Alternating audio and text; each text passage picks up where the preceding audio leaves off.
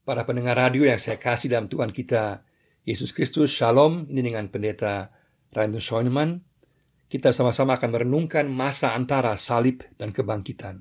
Sekaligus sebuah kilas balik untuk melihat pribadi-pribadi dan kelompok-kelompok sekitar salib Yesus. Kita akan mendasarinya dari Matius pasal 26 dan 27, dari Markus pasal 14 dan 15, Lukas 22 dan 23, dan juga Yohanes pasal 18 dan 19. Situasi masa antara salib dan kebangkitan dipenuhi dengan kesedihan yang mendalam daripada para murid dan sahabat Yesus. Mereka sungguh-sungguh sedih melihat bagaimana Yesus mati, betapa mengerikannya, betapa kejamnya, betapa menderitanya Yesus. Sekaligus juga ada kebingungan daripada rakyat banyak, orang banyak yang melihat misteri kematian Yesus, Yesus yang mati secara berbeda daripada orang-orang yang lain. Mereka lihat ada kegelapan di siang bolong. Jam 12 siang tiba-tiba selama tiga jam ada kegelapan yang luar biasa. Mereka teringat akan peristiwa dalam keluaran di mana bangsa Israel keluar dari tanah Mesir, dibebaskan dari tanah Mesir. Mereka teringat ada kegelapan selama tiga hari. Dan Yesus membawa pembebasan yang lebih besar. Kegelapan yang dia lawan adalah kegelapan dosa. Kegelapan menanggung dosa dunia. Melawan kuasa kegelapan pembebasan yang Yesus bawa adalah jauh lebih besar daripada pembebasan yang terjadi bangsa Israel dari Mesir, yaitu pembebasan Yesus dari kuasa dosa dan kuasa iblis. Mereka bingung.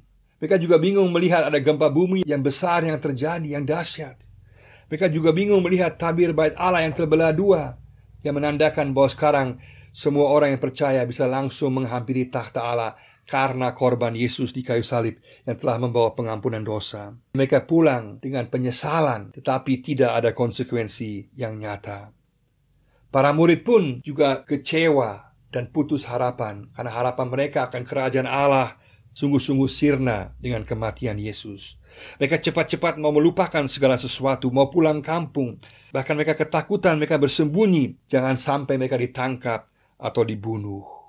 Mereka sama sekali tidak mengingat perkataan Yesus bahwa dia akan mati di kayu salib, bahwa dia akan mati dan dia juga akan bangkit. Mereka melupakan semua perkataan dan ajaran Yesus. Mereka dipenuhi kesedihan, kekecewaan, dan keputus harapan. Bahkan mereka kemudian juga terkejut ketika mendengar bahwa Yesus telah bangkit. Mereka tidak percaya, mereka kaget bahwa Yesus telah bangkit. Yang mereka tahu adalah Yesus telah mati. Dengan demikian mereka tahu harapan mereka sirna, dan mereka juga tidak mempunyai masa depan lagi.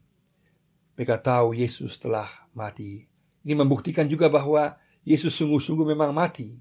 Pilatus membuktikan bahwa Yesus telah mati dengan meminta bukti daripada para serdadunya. Mereka telah menikam Yesus dan keluarlah air dan darah tercampur, menunjukkan bahwa Yesus telah mati. Secara medis terbukti Yesus mati dan kalau para serdadu memberikan laporan yang salah, mereka malah harus bertaruh nyawa. Mereka sendiri yang akan dihukum mati. Yesus benar-benar mati, maka semua teori Yesus hanya mati semu atau juga teori bahwa Yesus hanya pingsan saja atau orang lain yang disalibkan dan bukan Yesus semuanya tidak mempunyai bukti sejarah apa pun karena semua bukti sejarah di luar Alkitab menunjukkan sejarah bahwa Yesus yang benar-benar mati di kayu salib. Kalau sekarang kita melihat kilas balik ke belakang, melihat pribadi-pribadi dan juga kelompok-kelompok sekitar salib Yesus, kita melihat bahwa pada saat penyalipan Yesus nampaklah kejahatan hati manusia yang luar biasa. Nampaklah isi hati manusia yang sesungguhnya yang dipenuhi dengan kebobrokan, kejahatan yang luar biasa, dosa yang luar biasa.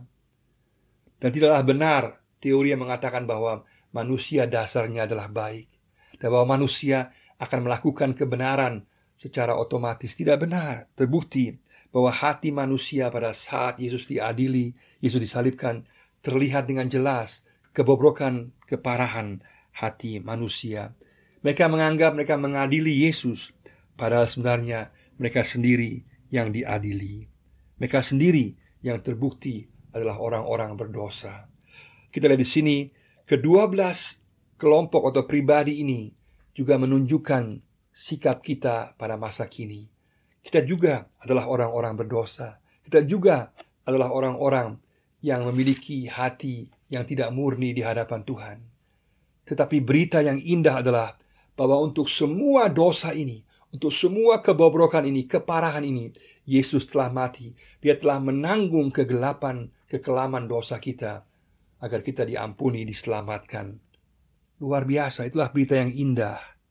Dan kalau kita lihat sini bahwa ada 12 kelompok, 12 sikap daripada kelompok dan pribadi di sini. Kita akan lihat secara singkat 12 sikap ini.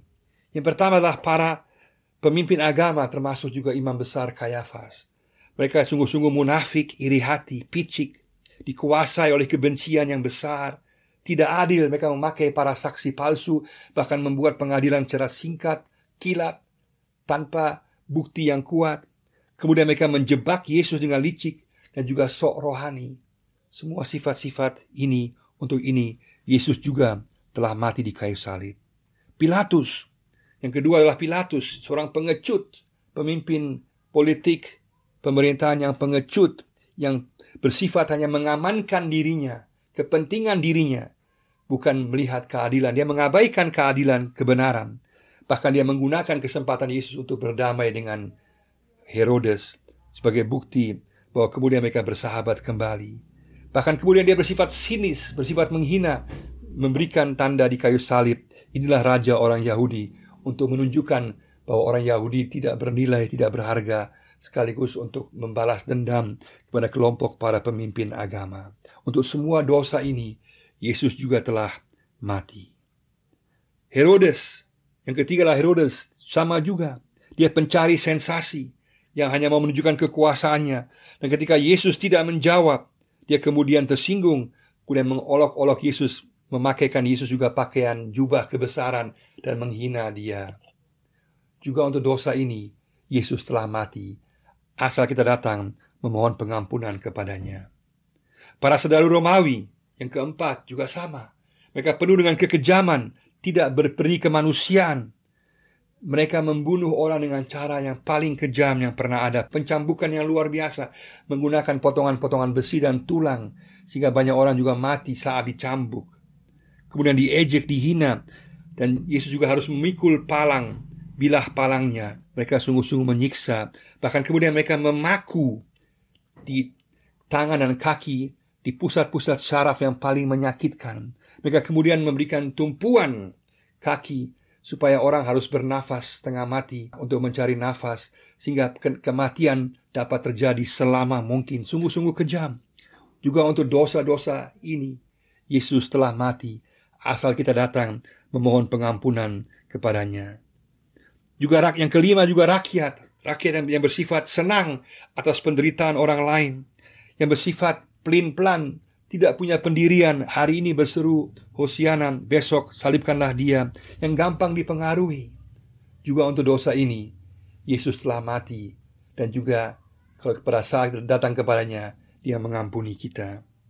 Juga yang keenam, penjahat di sebelah Yesus, penjahat di sebelah Yesus yang mengejek Yesus, yang tidak tahu diri, yang mengatakan, kalau engkau adalah Mesias, Selamatkanlah dirimu dan selamatkanlah kami yang sinis penuh penghinaan.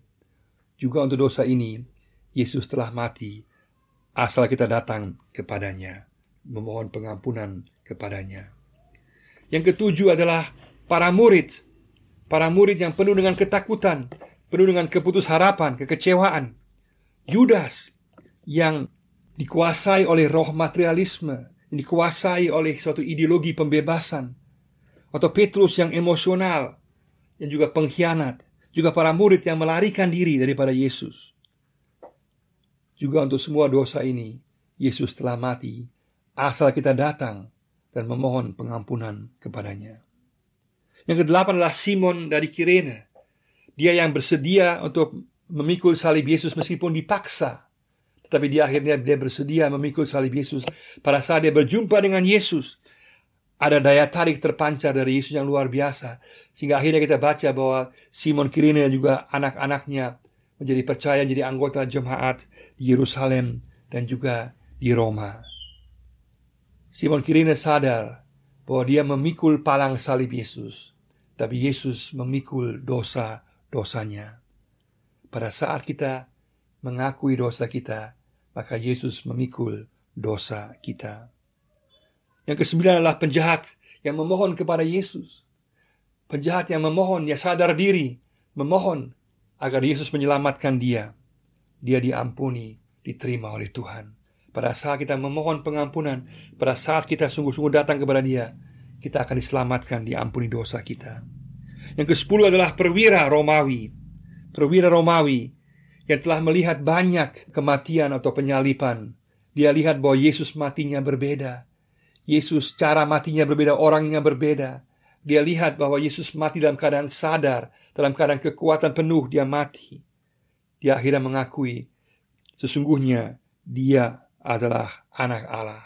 Orang yang mengakui sesungguhnya dia adalah anak Allah, maka akan diselamatkan, akan diampuni. Yang ke-11 adalah para pengikut rahasia Yesus.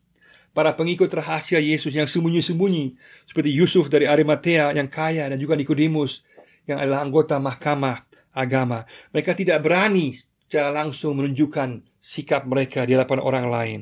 Tapi kemudian mereka datang, mereka melayani dan juga memberikan yang terbaik kuburan bagi Yesus, juga rempah-rempah bagi Yesus. Mereka kemudian mengikut Yesus. Juga untuk sifat keraguan-raguan ini, ketidakberanian ini, Yesus telah mati untuk kita. Dia mengampuni dosa kita. Juga yang kedua belas, luar biasa, para wanita dan juga Yohanes yang begitu berani. Maria ibu Yesus, Maria Magdalena, Maria ibu Yakobus, juga Salome dan yang lain. Dan Yohanes, mereka berani setia sampai akhir. Tapi mereka pun dipenuhi oleh kesedihan. Mereka tidak percaya bahwa Yesus akan bangkit. Mereka dipenuhi oleh rasa sedih yang mendalam. Mereka berani dan setia luar biasa. Dan mereka pun harus diampuni dari dosa ketidakpercayaan. Luar biasa. Kita juga tahu bahwa para wanita ini juga luar biasa sekali. Bahwa mereka kemudian menjadi saksi yang pertama bagi kebangkitan Yesus. Juga dosa ketidakpercayaan kita telah diampuni oleh Yesus. Maka pada saat ini kita boleh datang kepada Dia kita boleh mengakui dosa kita di hadapannya. Apa pun dosa kita, jenisnya apa pun, kita boleh tahu dosa kita telah ditebus oleh Yesus, ditanggung oleh Yesus. Asalkan kita datang memohon pengampunan kepadanya. Kita semua adalah orang berdosa. Dan kita berdosa dengan cara yang berbeda. Sekarang adalah kesempatan bagi kita datang kepada dia, memohon pengampunannya, karena penebusannya, pengampunannya pasti bagi setiap orang yang datang kepadanya. Tuhan memberkati kita semua. Amin.